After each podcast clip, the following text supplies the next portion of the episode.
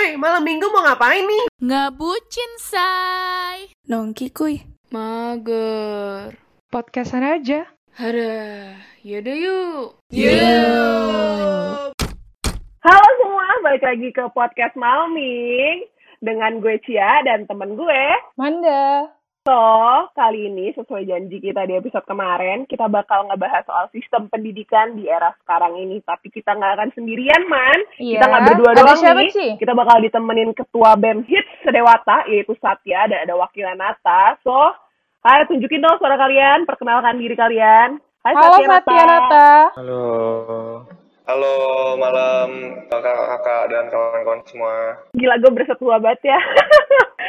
Coba perkenalin diri kalian dong, biar semua tahu nih. Siapa sih Satya dan Nata ini? Nama aku Satya Ranasika. Sekarang lagi menjalani studi di Arsitektur Udayana. Dan kebetulan hari ini dipercaya sebagai Ketua BEM Udayana di Kabinet Reparasi Cita Udayana namanya. Keren banget, mantap keren banget. arsitek, terus langsung jadi ketua BEM ya. Gila, gue aja dulu sipil, ya jadi sipil-sipil lain. Sipil-sipil aja sama Oke, oke, sih. lanjut, lanjut. Nata, gimana Nata? Halo, aku Nata kak dari Agribisnis 17 Pertanian, pendampingnya Satya. Pendampingnya, pendampingnya kematian sih.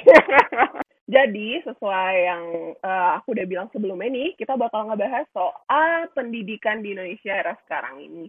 Nah, jadi kan emang sekarang lagi ada eh, terjadinya pandemi COVID-19 ya. Kalau misalkan nih menurut Satya dan Nata, apa sih yang paling kerasa perubahannya? Mau dari segi kebiasaan atau kayak dari sekarang nih kalian jadi mahasiswa, apa sih yang paling kerasa? Karena aku anaknya nggak suka di rumah ya, maksudnya emang pergi-pergi terus. Nah itu sih yang memang paling kerasa. Jadi kayak harus terpaksa di dalam tanda kutip di penjara di rumah dulu. Dan yang biasanya menghabiskan malam di sekre untuk nugas, untuk rapat, akhirnya harus terpaksa lagi-lagi dirumahkan. Bisa dibilang gelisah ya, karena emang benar-benar nggak kebiasa di rumah. Maksudnya yang biasanya di rumah itu baru nyampe malam, terus pagi-pagi udah pergi lagi karena harus kuliah, terus baru pulangnya malam lagi. Jadi sekarang harus diem di rumah seharian itu kayak benar-benar nggak biasa banget. Nah, kalau Nata gimana nih? Ya kaget sih awalnya, kaget harus belajar di rumah ya kan, harus lewat WebEx, terus harus ngurus organisasi juga lewat online. Sama sih hampir males, terus merasa terpenjara, terus gabut juga. Uang saku juga nggak jalan ya kan. Oh iya, iya, iya. Dilema oh, iya, juga iya, itu ngaruh ya. tuh, ngaruh tuh.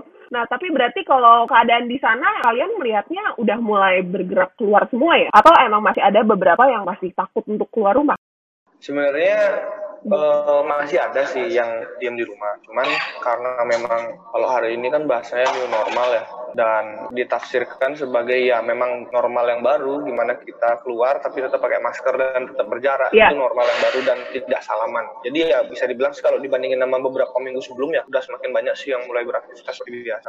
Oke, oke. Kalau misalkan nih, kan itu tadi dari keseharian kalian kan. Tapi kalau misalkan dari universitas, itu ada langkah apa ya? Ada langkah baru untuk adaptasi di era new normal ini nggak? Sekre kita di lockdown, jadi kita nggak bisa ke Oh sekre. gitu. Jadi kalau kalian ada pertemuan gitu, kalian ngadain di mana? Tadi seminyak atau di... Di Seminyak atau di Kuta atau di rumah salah satu dari kalian nih. Ini juga baru-baru nih, ini juga baru-baru dibolehin lagi, tapi emang dibatasin kayak ini pun yang dari di dalam hari ini nggak lebih dari 20 orang. Baru-baru ini, baru satu minggu belakangan ini baru, baru dibuka. Dibuka ya pun kayak masih dibuka setengah gitu loh, kayak masih Oh, ditanya iya, iya. berapa yang ikut rapat dan segala macam. Terus kalau memang kalau kita sebelum waktu masih di lockdown ini ya terpaksa ditah dari Ya. teman kopi Hmm. rumah teman dan itu ke arah yang arjen-arjen aja sih pertemuan-pertemuan yang arjen Oh tapi berarti tetap kalian lakuin tatap muka gitu, nggak pernah online sama sekali. Eh, itu dah maksudnya kalau pertemuannya emang urgent harus Oh. benar-benar langsung kita ketemu tapi kalau emang enggak ya udah kita online Oh, Kok berarti di- tetap ya online. benar-benar waktu di awal tuh kita full online bahkan Tapi kalau aku lihat nih dari Instagram BM kalian tuh aktivitas kalian tetap banyak ya walaupun di era ini, pas zaman-zaman Era lockdown pandemi. ya di era pandemi ini. kita menjalankan semuanya sebisa mungkin. Makanya ada yang kita jalankan, tapi emang eh, nggak semaksimal dulu karena emang ketemunya cuma online. Apalagi Oh, ada iya, teman-teman iya. yang di luar Bali juga kan.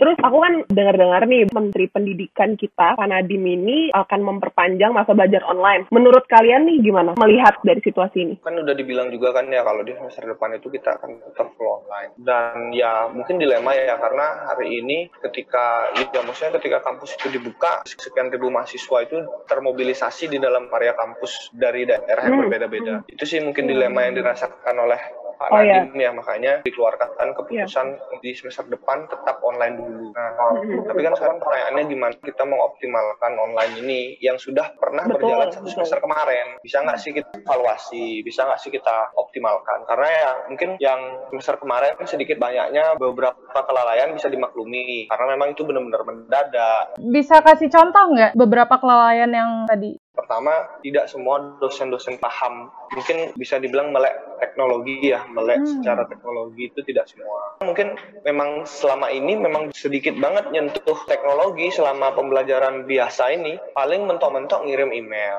Karena teknologi berupa Zoom atau WebEx ini jatuhnya Iya, iya. Baru ya? baru bagi Bapak Ibu kita. Heeh, jadi belum ada kesiapan dari pengajarnya gitu maksud kalian ya. Mereka belum di training atau dikasih tahu gimana caranya untuk memberikan pengajaran lewat online ya. ada juga beberapa yang bahkan tidak gimana ya mungkin memang karena kebingungan ya jadi ya jatuhnya Mhm. nggak ngapa-ngapain gitu loh ada beberapa kasus yang emang nggak ngapa-ngapain jadinya ya cuma ngasih tugas kayak gitu-gitu aja Jadi kayak dosennya nggak masuk ya, cuman ngasih tugas via WA atau itu ya. Iya, iya. bener banget. Iya dan sebenarnya upayanya itu mungkin ya maksudnya gini dari pihak kampus mungkin dari bagian akademiknya juga harusnya lebih berupaya untuk mencerdaskan atau memberikan pemahaman yang merata kepada seluruh dosen. Nah, itu yang menurut saya bener-bener. perlu dan dosennya pun mungkin juga karena kebingungan dia bingung harus gimana nanya siapa dan sebagainya Oh iya, iya. Tapi sih memang ya sih kan nggak semua dosen itu ya benar kata Sate tadi sadar akan teknologi yang ada dan ini semua kan serba mendadak. Tapi sih ya semoga semester depan mungkin para dosen dan para pengajar udah dipersiapkan jadi ya lebih baik lagi kan sistem Hmm, pembelajaran ke banget. depannya. Cuman kalau misalkan nih dari segi berorganisasi nih gimana menurut kalian? Ada nggak sih halangan tersendiri selain nggak bisa ketemu atau kayak kalian susah nih untuk bikin acara ini? Biasanya kan kalian ada acara-acara tersendiri ya maksudnya dari Iya. BEM ini. Sebenarnya Ada, efeknya kalau bisa dibilang sih apa ya domino ya. Biasanya kita ketemu untuk nyiapin sesuatu atau apa kayak ketemu. Cuman karena emang Iya. nggak bisa nggak bisa ketemu ini walaupun cuman online pun nggak maksimal gitu kita lakukan komunikasinya Diskusi. diskusi, itu Iya iya itu. iya betul betul. Kemudian yang kedua tuh Mm-mm. kita juga jadi mikir dua kali untuk mengadakan suatu acara karena kan takutnya malah kita yang melanggar protokol kesehatan. Hmm. Iya iya iya betul betul. Terus kalau misalkan nih kan bukannya kemarin lagi masa-masa ospek ya. Terus kalau di univ kalian gimana masa ospeknya ini? Kalau ospek tuh yang SMA udah, SMP udah kak. Cuma kalau di universitas, setahu saya rata-rata belum. Hmm? Karena Oh karena iya, Agustus, oh iya Agustus ya, gue lupa ya. Agustus Gue sekarang. ya, oh ya, kita salah bulan pokoknya- sih. Pokoknya udah lima tahun lagi. Oh ya udah, berarti perencanaan ke depannya gimana nih? Ah, ospeknya akan ini? gimana tuh ospek? Sebenarnya kan karena memang pembelajaran di semester depan sudah ditetapkan online, kecenderungannya ya ospeknya pun akan online Aduh, kak. kurang seru ya. Ospek online tuh kayak gimana tuh? Bisa ceritain nggak? Saya pun Sebenarnya belum masih benar-benar kita- bisa membayangkannya. Heeh, masih Oh. karena emang benar-benar hal yang tidak pernah terbayang akan Oh, saya lakukan oke. gitu loh Iya. ospek online. Iya bener. Tapi Mungkin kalau menurut saya sih memang itu yang ada terbaik. ide nggak? Karena ternyata mereka belum ada gambaran Wah, nih. kalau aku sih Sebenarnya ada beberapa planning, cuman takutnya gini ya, misalnya kalau saya lempar, takutnya karena Tidak terlaksana. dinamis banget. Ya artinya Hmm. masih banyak kemungkinan-kemungkinan di Oh, depan. oke, benar-benar. Hmm. Karena memang ini benar-benar hal yang kita nggak punya referensinya di tahun-tahun sebelumnya. Iya iya iya betul. Iya sih, karena emang baru kali ini kan ada online. Iya. Tapi ya kalau dari saya pribadi sih melihatnya ada prioritas lain. Kasihan teman-teman yang merantau harus ke sini iya, cuma untuk betul. ospek aja. Bener banget, bener. Gila, Satya menyuarakan suara gue lima tahun lalu, men. Gila, gila, gila. Satya harus jadi ketua BEM lima tahun lalu. Iya. Iya. eh, BTW ya, gue mau cerita nih dikit aja, boleh ya? Ah, boleh, Jadi, gue dulu kan kalau mau ospek universitas kan rambut harus hitam kan Iya nggak sih sampai Bener, bener, ya bener. sampai harus hitam jadi gue hamin satu ngecat dong ngecat hitam cuma demi ospek pengorbanan banget maksudnya apalagi yang jauh-jauh merantau jadi setuju tuh banget banyak pengorbanan sih sebenarnya Ici ya. Iya, Transisi bener, bener, banget. bener. Kalau kalian berdua punya cerita nggak tentang dunia permabaan dulu zaman kalian Ospek 2017 gimana? Lebih seru nggak dari 2015? Nggak tahu nggak tahu sih ya. Cuman ya sebenarnya kan yang seru kan itunya pas cukurannya. Oh, iya, berkali-kali Cukurannya masih salah salah salah Iya. terus. Pasti nggak rela kependekan deh. iya sih sebenarnya. Tes gini kependekan nggak? Ya kependekan ya cukup habis itu lagi ngetes ya masih juga. Ya udah lagi. Berarti masalah kalian sama ya Ci ya? Soal rambut. Iya, jadi buat yang belum tahu nih, jadi kalau aspek di tempat kita itu harus potong poni sama cukur rambut ya. Sama yang harus hitam tadi. Tapi udah udah nggak gitu sih di tahun Udah nggak gitu? udah nggak gitu kayaknya seingat saya ya seingat saya Oh, wow. Banyak hal baru yang diharapkan Cia untuk terjadi di tahun 2015. ya itu kan maksud maksud Oke, oke. kita kan hanya warna-warni Iya, Iya, benar kondisi benar. Pengalaman yang didapetin juga beda sih Iya, sebenarnya. betul sih. Jadi kayak ada memori. Tapi balik lagi nih ke topik. Nah, kalau misalkan dari sistem administrasi kampus bisa diceritakan nggak ada kendala dengan sistem yang baru? Kayak SKS or something gitu? Ada kendala nggak? Sebenarnya sama aja sih kak menurutku. Sama aja ya? sama aja Iya. karena kan kita Mhm. juga SKS pun kita emang bisa online kan nah terus kalau Mhm. ngurus surat juga gimana ya, masih bisa online juga. Artinya masih bisa ngirim lewat WA atau kita datang ke sana tapi pakai masker di tes juga Oh, tapi tetap ada yang harus diurus secara langsung, nggak bisa segalanya online ya? ada beberapa. Maksudnya keduanya kita jalankan karena kan memang balik lagi tentang itu tadi. Protokol. bapak ibu kita di kampus juga masih Oke, nggak oke, iya, sekencang itu teknologinya. Kadang juga respon kadang juga kita yang bingung sendiri kan maksudnya. Gara-gara nggak respon nih gimana nih? Iya sih. ya mau didatengin Hmm, berarti emang masih boleh kampus ya? soalnya pegawainya kerja sih kak. Mereka masuk kerja Oh, udah oke, lebih dulu mereka new normalnya mereka udah lebih dulu. Sempat ada ada benar-benar diliburkan kampus tapi eh, pokoknya yang pertama kali menerapkan new normal di di kampus itu pegawai. Tapi mereka pun di shift gitu. Setahu saya ada yang giliran kerja hari Senin siapa yang hari Selasa jadi nggak langsung rame gitu. Oh, oke oke. jadi oke. membatasi juga orang di kantor sampai sekarang masih pegawai aja sih karena kan dosen belum kita juga mahasiswa masih online terus Kalau wisuda sendiri online ya katanya, denger-denger ada wisuda online. Bisa ceritain nggak sih wisuda online tuh kayak gimana? Dan udah dilaksanakan berapa sekali ya? dua kali kali Dua mau Oh, Mau dua oke. kali. Tahu nggak tata caranya wisuda online tuh gimana? Boleh ceritain nggak? Ah, ini aku denger-denger dan lihat-lihat aja ya kak Iya, Oke boleh. Heeh. karena saatnya belum wisuda, man. Iya, bener juga.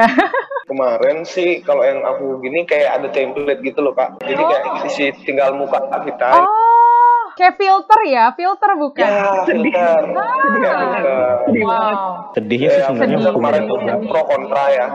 Kemarin pun di kata Iya, iya. juga pro kontra masalah wisuda online. Tapi ya balik lagi ke dilema. Iya, kita iya. nggak tahu pandemi ini sampai kapan. Betul, betul, betul, betul. Kita harus menemukan solusinya ya dari segala yang ada kan. Tapi kalau misalkan nih menurut Satya Manata, ada nggak sih sisi, bukan sisi positif ya, tapi maksudnya ada nggak sih sisi yang bisa kalian ambil untuk beradaptasi di ke depannya? Kalau aku yang ngelihatnya positifnya tuh kita terpaksa untuk bisa melek teknologi itu sih. Oh iya, kadang-kadang kan kita ya. kayak ya mau nggak mau ya jadinya kita tahu loh bisa punya bisa ada teknologi virtual meeting kayak gini dan sebenarnya walaupun susah ya dibandingin akan lebih enak kalau ketemu langsung emang tapi seenggaknya Betul, betul. virtual meeting ini udah pernah kita coba maksudku aku jadinya lebih enak kalau mau Iya. kontak sama teman-temanku yang kan kebetulan aku beberapa ada teman merantau biasanya kalau kontak mereka tuh nunggu liburan lah dulu baru bisa kita ngobrol kita cerita Oh iya iya iya. gara-gara kita tahu ini jadinya waktunya Kapan sempat beberapa kali ngobrol sama mereka ya bisa ngobrol itu sih terpaksa untuk melek teknologi itu sih kalau insight yang aku dapat buat diri Kalau Nata gimana Nata? ya aku sebenarnya salah satu orang yang paling males belajar teknologi kak Kenapa gitu? Iya, kenapa? lebih ya lebih enak gitu kak kalau ketemu langsung ya kan Oh iya. Jadi Nata ini salah satu orang yang lebih suka keep the old ways ya, kayak lebih seru jadinya. Iya iya betul betul betul. karena kalau di rumah kan nggak bebas Oh, sebenarnya balik ya, itu lagi ya. Kalau di rumah katanya nggak bebas man, tapi ya bener juga sih. Ya kan kalau di rumah doang nggak bisa nongkrong. Bener, Nah, bener, itu dia kak sempet nih kita ngopi-ngopi virtual ah nggak dapet Serius? Serius? ya kita ngirim-ngirim gambar kopi itu sama teman-teman Boleh boleh hashtag kopi virtual cocok. Nah man, kalau era disrupsi nih, eh disrupsi gimana man? Sekarang kita ngebahas tentang era disrupsi nih ya. Jadi sedikit tentang era disrupsi. Disrupsi itu sendiri kan sebuah inovasi yang akan ganti seluruh sistem lama dengan cara-cara yang baru nih. Eh, ngomongin teknologi tadi, jadi teknologi yang lama yang serba fisik nanti bakal digantiin sama teknologi digital yang menghasilkan sesuatu yang baru dan sebenarnya efisien dan bermanfaat. Nah, ada beberapa prediksi yang berkaitan dengan dunia pendidikan soal era disrupsi ini. Yang pertama, universitas terdisrupsi beragam inovasi kayak online learning sama open course. Sekarang kan udah banyak nih. Terus ada juga pelajar nantinya bakal dapat kerjaan yang sebelumnya tuh belum ada. Ini prediksi tahun 2014. Sekarang udah muncul kan udah bisa kita lihat. Iya, iya, iya. Nah, terus kerjaan manusia bakal digantiin robot sama artificial intelligence. AI sekarang juga udah hits banget. Itu kayak di luar negeri udah deh kayaknya. Iya, kayaknya di luar udah oke dan kayaknya udah masuk ke Indonesia di Bali sekitar tahun lalu juga udah banyak seminar tentang AI nih, seminar gratis lagi. Jadi Oh. menurutku bagus banget untuk kita menghadapi hal-hal kayak gini. Terus yang terakhir, universitas bakal pakai ini yang keren nih menurutku, teknologi virtual reality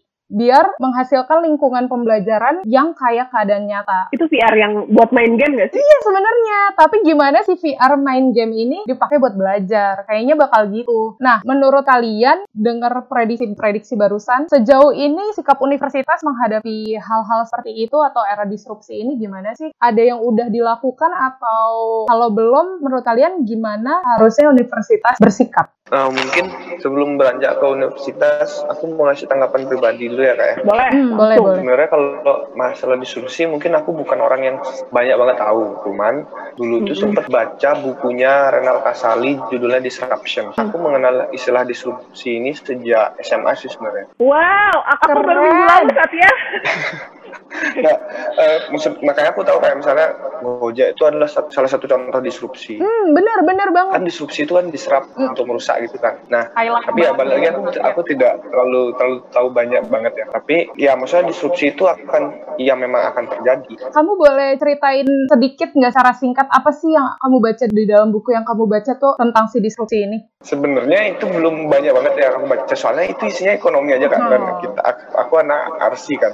Tapi eh, intinya adalah bukunya itu berusaha menyadarkan bahwa cepat atau lambat kita akan terdisrupsi dengan apa? Harus cepat menyesuaikan. kayak tadi yang Kak Betul, bilang akan ada pekerjaan-pekerjaan yang sebenarnya yang tidak pernah bisa kita bayangkan tapi akan ada di masa depan dan akan Hmm. ada juga pekerjaan-pekerjaan yang sudah tidak relevan lagi ada di masa Hmm. depan karena Iya, sudah iya. terganti sudah terdisrupt kayak itu salah satu alasan kenapa waktu aku SMA waktu aku mencari kuliah cukup kencang terdengar di telinga jurusan-jurusan sistem informasi teknologi informasi Iya soal-soal coding mengcoding dan segala macam itu dibilang pekerjaan yang Prospeknya bagus. Iya, prospeknya bagus di ke depannya. Itu sih secara garis besar aku tahu ya. Terus kalau masalah tadi masalah bicara artificial intelligence dan segala macam, apakah manusia tidak akan lagi berguna di dunia ke depannya karena sudah digantikan oleh robot? Itulah ya.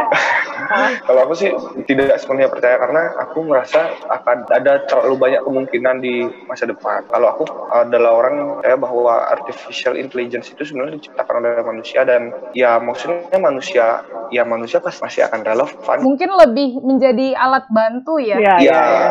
hari ini mungkin sangat kencang ya terdengar masalah artificial intelligence akan menggantikan manusia dan segala macam. Betul, betul, betul, betul. Buku yang aku baca yang, yang bilang tentang perkiraan masa depan itu dan dia menyimpulkan bahwa ada terlalu banyak kemungkinan benernya. Maksudnya banyak banget ada yang kemungkinan dan itu salah satunya. Dan ada yang menguji tesis itu juga artificial intelligence ini diciptakan oleh manusia. Mungkinkah manusia akan tergantikan oleh ciptaannya dia sendiri nantinya? Basic question itu kayak gitu. Terus kalau masalah kampus sebenarnya eh, aku nggak kepengen aja kampus sini memaksakan dirinya Maksudnya pasti ada ide disruption itu juga Iya. karena udah ya maksudnya bersaing di global hari ini disruption ini terjadi secara global gitu. Nah tapi aku sebenarnya Aha. memandang tidak ingin kampus ini memaksakan dalam arti ya maksudnya banyak faktor ketika kita ingin menuju world class university ini hanya hanya berupa fisik secara belak-belakan mengcopy eh, gimana pendidikan di luar, maksudnya benar-benar belak-belakan tanpa ada Oh. penyesuaian terhadap SDM-nya. Ya, itu ya. kan salah satu Ada- hal-hal yang memaksakan ya jatuhnya ya kita justru malah jadi semakin jauh sama tujuan itu karena dari dua yang paling ya dilihat ya. ya banyak banget ada faktor Banyak dari mulai sumber daya mahasiswa pun eh sumber daya manusianya pun ada mahasiswanya ada dosennya ada birokrasi pegawainya aku nggak mau kampus ini memaksakan sampai akhirnya membuat kita justru malah lebih jauh daripada Hmm, upaya untuk bersaing itu itu sih yang harusnya dilihat dan aku melihat sampai hari ini tidak benar-benar mengakar upaya menuju ke sana itu dah ser- memaksakan banget. Yang terjadi Mhm. upaya-upayanya itu hanya upaya-upaya di permukaan aja kayak fasilitas. Persiapannya kurang ya berarti ya. Persiapan menuju ke sana melupakan faktor-faktor penting yang nggak boleh dilupain sebenarnya. Ya hari ini kita lihat Iya, realita deh, dosen kita nih banyak yang belum bisa pakai Zoom, Webex, kayak gitu-gitu loh. Iya, iya benar. Oh, berarti sebenarnya idenya bagus ya, cuman pada prakteknya kurang dipersiapkan Kurang- dengan baik. Kurang membumi lah. Jadi sebenarnya itu uh, introspeksi bagi semua ya, bagi semua pihak. Maksudnya Yes. jangan ngambil semua secara benar-benar terburu-buru tanpa memikirkan dari Ya. pihak-pihak yang lain, ya kan? Kalau Nata ada yang mau Ditambahin ditambahin lagi atau? Kalau aku sih mau ngomongin disrupsi tadi, aku pun sebenarnya nggak terlalu familiar dengan istilah itu kak. Cuman kalau tadi mau ngomongin Kenapa? tentang- Mungkin kayak kita bisa jadi pembelajaran setelah ini sih, Nata nggak apa-apa, kita aja nggak tahu. Iya. Tadi kalau ngomongin tentang kampus yang disusupi dengan teknologi-teknologi seperti itu, gimana caranya nanti deliver pendidikan ini ke banyak orang dengan cara-cara itu? Balik lagi, apakah semua orang siap untuk menerima itu? Sampai sekarang pun sebenarnya untuk pembelajaran online yang saat ini pun ada beberapa kasus yang ya orang-orangnya nggak malah malah nggak belajar apa-apa, jadinya nggak terlepas dari dosen mengerti teknologi itu tidak. Cuma seandainya di saat sekarang misal ada kasus dosen sudah mengajar.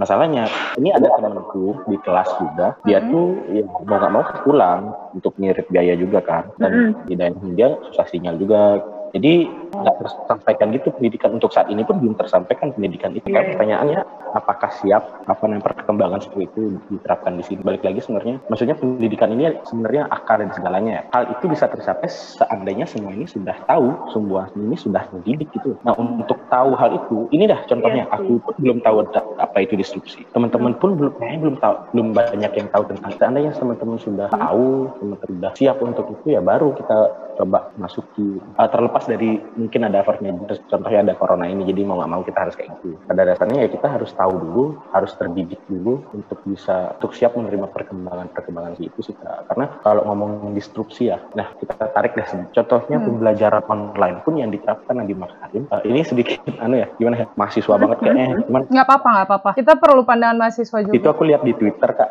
Nadiem Makarim ini kaget dia karena katanya ada siswa di pedesaan yang desanya belum teraliri listrik kayak gitu. Jadi dia nggak bisa menerima pembelajaran dari TPRI gitu loh Kak. Nadiem ini kaget akan hal itu. Jadi artinya kalau di diartikan sebenarnya kita ini belum siap gitu loh. Kita ini belum siap dengan itu. Balik lagi yang kayak dibilang Satya tadi ya semuanya harus disiapkan dulu nih. Nggak harus dari banyak pandangan entah dari pengajarnya entah dari kitanya entah dari finansialnya entah dari perangkat-perangkat teknologinya gitu Pak.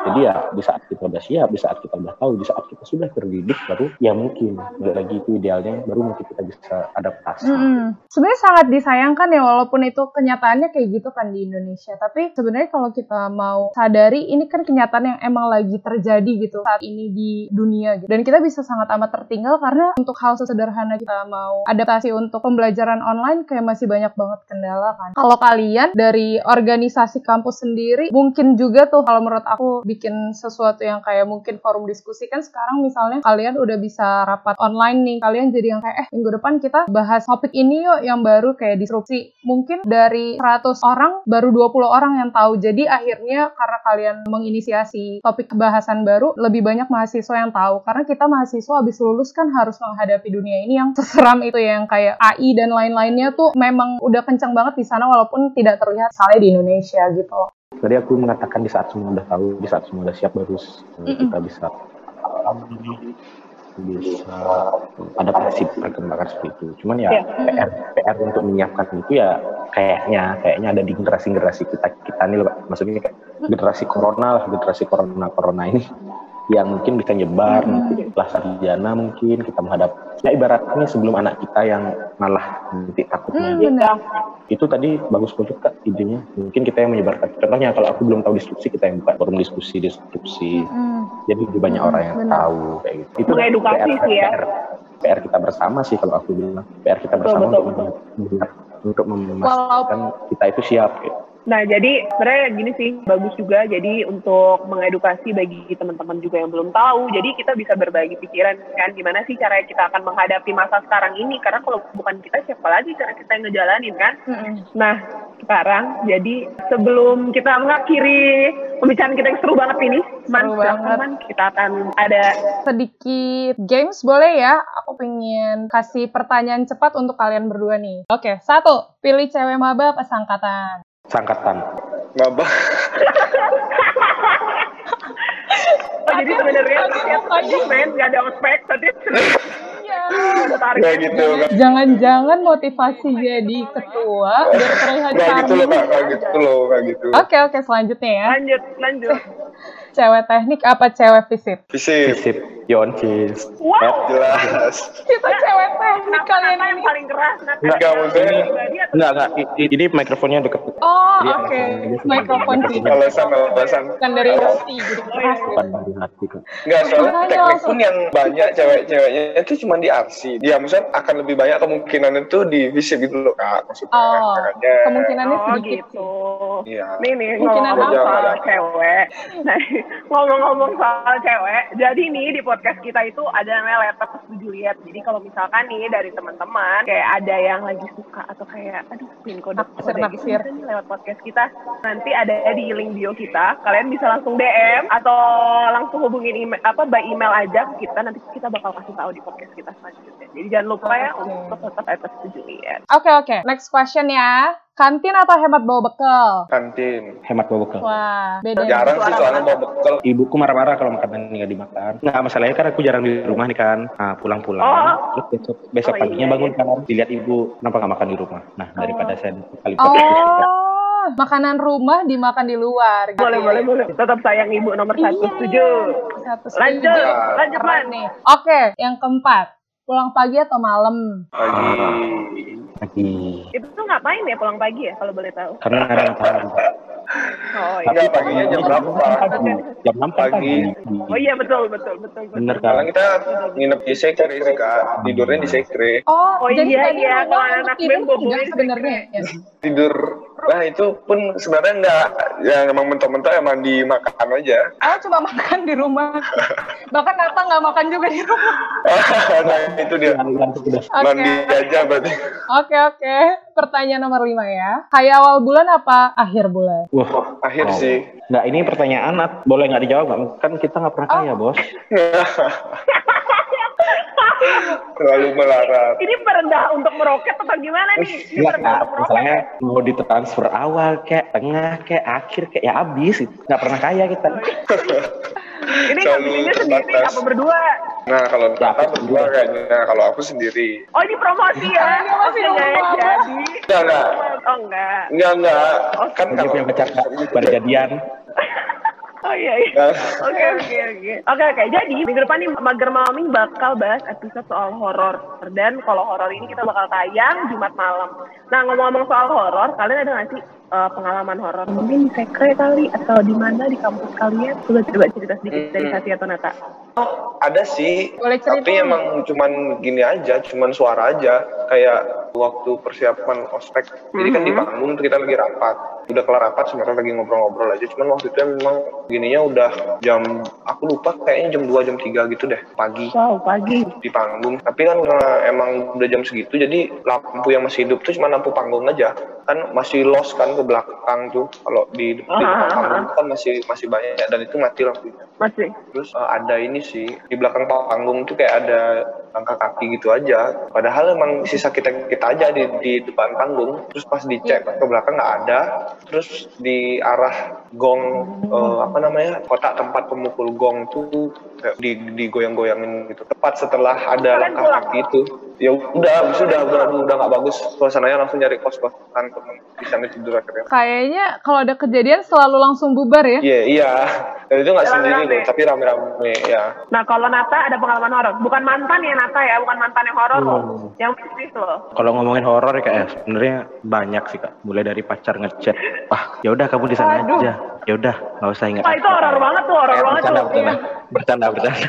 Kalau berhubungan sama yang gitu-gitu ya, yang dimensi lain ya. Ada sih waktu SMA sebenarnya. Gimana tuh? Itu kan masih jadi osis ya. Mhm. Terus eh, lagi nongkrong nih di ruang osis sama teman-teman Terus terus, itu jam 9 malam sih di sekolah di ruang osis wow anak malam ya. masalahnya ini SMA ya? sekolahnya chill banget ini sekolahnya satpamnya baik banget Oh iya, terus terus. ya jam jam 9 kita diam di ruang osis biasa kan ngobrol segala macam ketawa-tawa Mm-mm. nah ini nggak ada angin dan korden tuh diam kak Hmm. jadi aku ngadep ke jendela gitu kan nah pas jendela di hadapan itu yang ditutup korden itu kayak ada orang yang mukul-mukul pas depan mataku banget kan Kayak kayak kalau gue langsung merem langsung kabur deh. lalu kayak ada yang mukul-mukul gitu. Nah masalahnya di hadapanku ini kan ada temen juga. Temen tapi dia kan membelakangi Ah. jendela jadinya. Ini kakak sih kakak tingkat. Kakak itu kok ada yang mukul-mukul gitu. Terus eh, dia noleh ke belakang hilang. Pas dia noleh itu hilang. Terus kalau dibalikan kayak ini bercanda ya no gituin kan. Akhirnya habis itu kita malah setelah dia bilang aku bercanda malah hening nih. Ngeri dong takut dong Makin serem dong, makin serem dong. Iya, iya, iya. Tiba-tiba kakak yang aku tanya ini dia bangun dari tempat duduknya terus ngambil tas Eh, yang lain juga disuruh masalah kakak ini kan ketua osisnya juga yuk, yuk. Nah, Hmm. Sama. atas nah, digituin kan ke atas kan kita sampai di parkiran nongkrong lagi di sana duduk Nggak langsung pulang gitu. nah ini sekarang aku tanya kan misalnya kak kok tadi tiba-tiba ngambil tas Eh, ya kakak ngerasa jelek aja tadi kayaknya emang bener yang kamu lihat nah jadi sebenarnya tadi itu dia emang bener ngira aku bercanda tapi ternyata dia merasakan Iya. Oh. Dan dia isi bilang kayak gini kayaknya yang diincer kamu nat Waduh. Aduh. Waduh, Nat. terus aku tanya kan kok gitu kak nah masalahnya waktu itu aku tuh aku nggak pulang kak dari pagi terus pulang sekolah nggak pulang diam di ruang osis sampai jam 9 kan jadi belum mandi kan belum Ah. mandi belum ngapa-ngapain juga nah Hmm. mungkin dibilangnya dari kakak aku sih itu kak eh, ketua osis mungkin gara-gara kamu belum mandi masih capek Oh. Oh. Iya, aku pernah tuh pernah kayak gitu kalau dirasa mengganggu sih katanya. Jadi diganggu juga. Kalau aku berisik waktu itu. Ya kayak banyak ya pemicunya ya. Oke oke. So udah nggak kerasa nih kita udah ngobrol panjang lebar, kita udah Panjang ngebahas banget, soal seru juga ya. Iya, kita udah ngebahas soal pendidikan di era sekarang ini, di era new normal, terus gimana kesiapan kampus, gimana mahasiswa menghadapinya, terus gimana dari segi organisasi menurut kalian. So, ini udah seru banget, dan akhirnya kita udah di penghujung podcast kita. So, thank you ya Satya dan Nata udah ngomongin waktu. guys. Makasih, Dan makasih kita juga kak. ngobrol-ngobrol. Ternyata Iya, so thank you ada banget. Gimana? ada juga anak arsi yang gini ya, tak kira cuma mikirin studio ini itu. Enggak dong, enggak dong. Ya tapi seru banget sih ngobrol sama kalian. Makasih banget ya udah mau Siap siap kak. Thank you, thank you. Kita dapat kita dapat Mm-mm. pandangan baru. So jangan lupa untuk minggu depan kita bakal ngeluarin podcast hari Jumat malam. So tungguin aja podcast kita. So tetap di Mager Mami.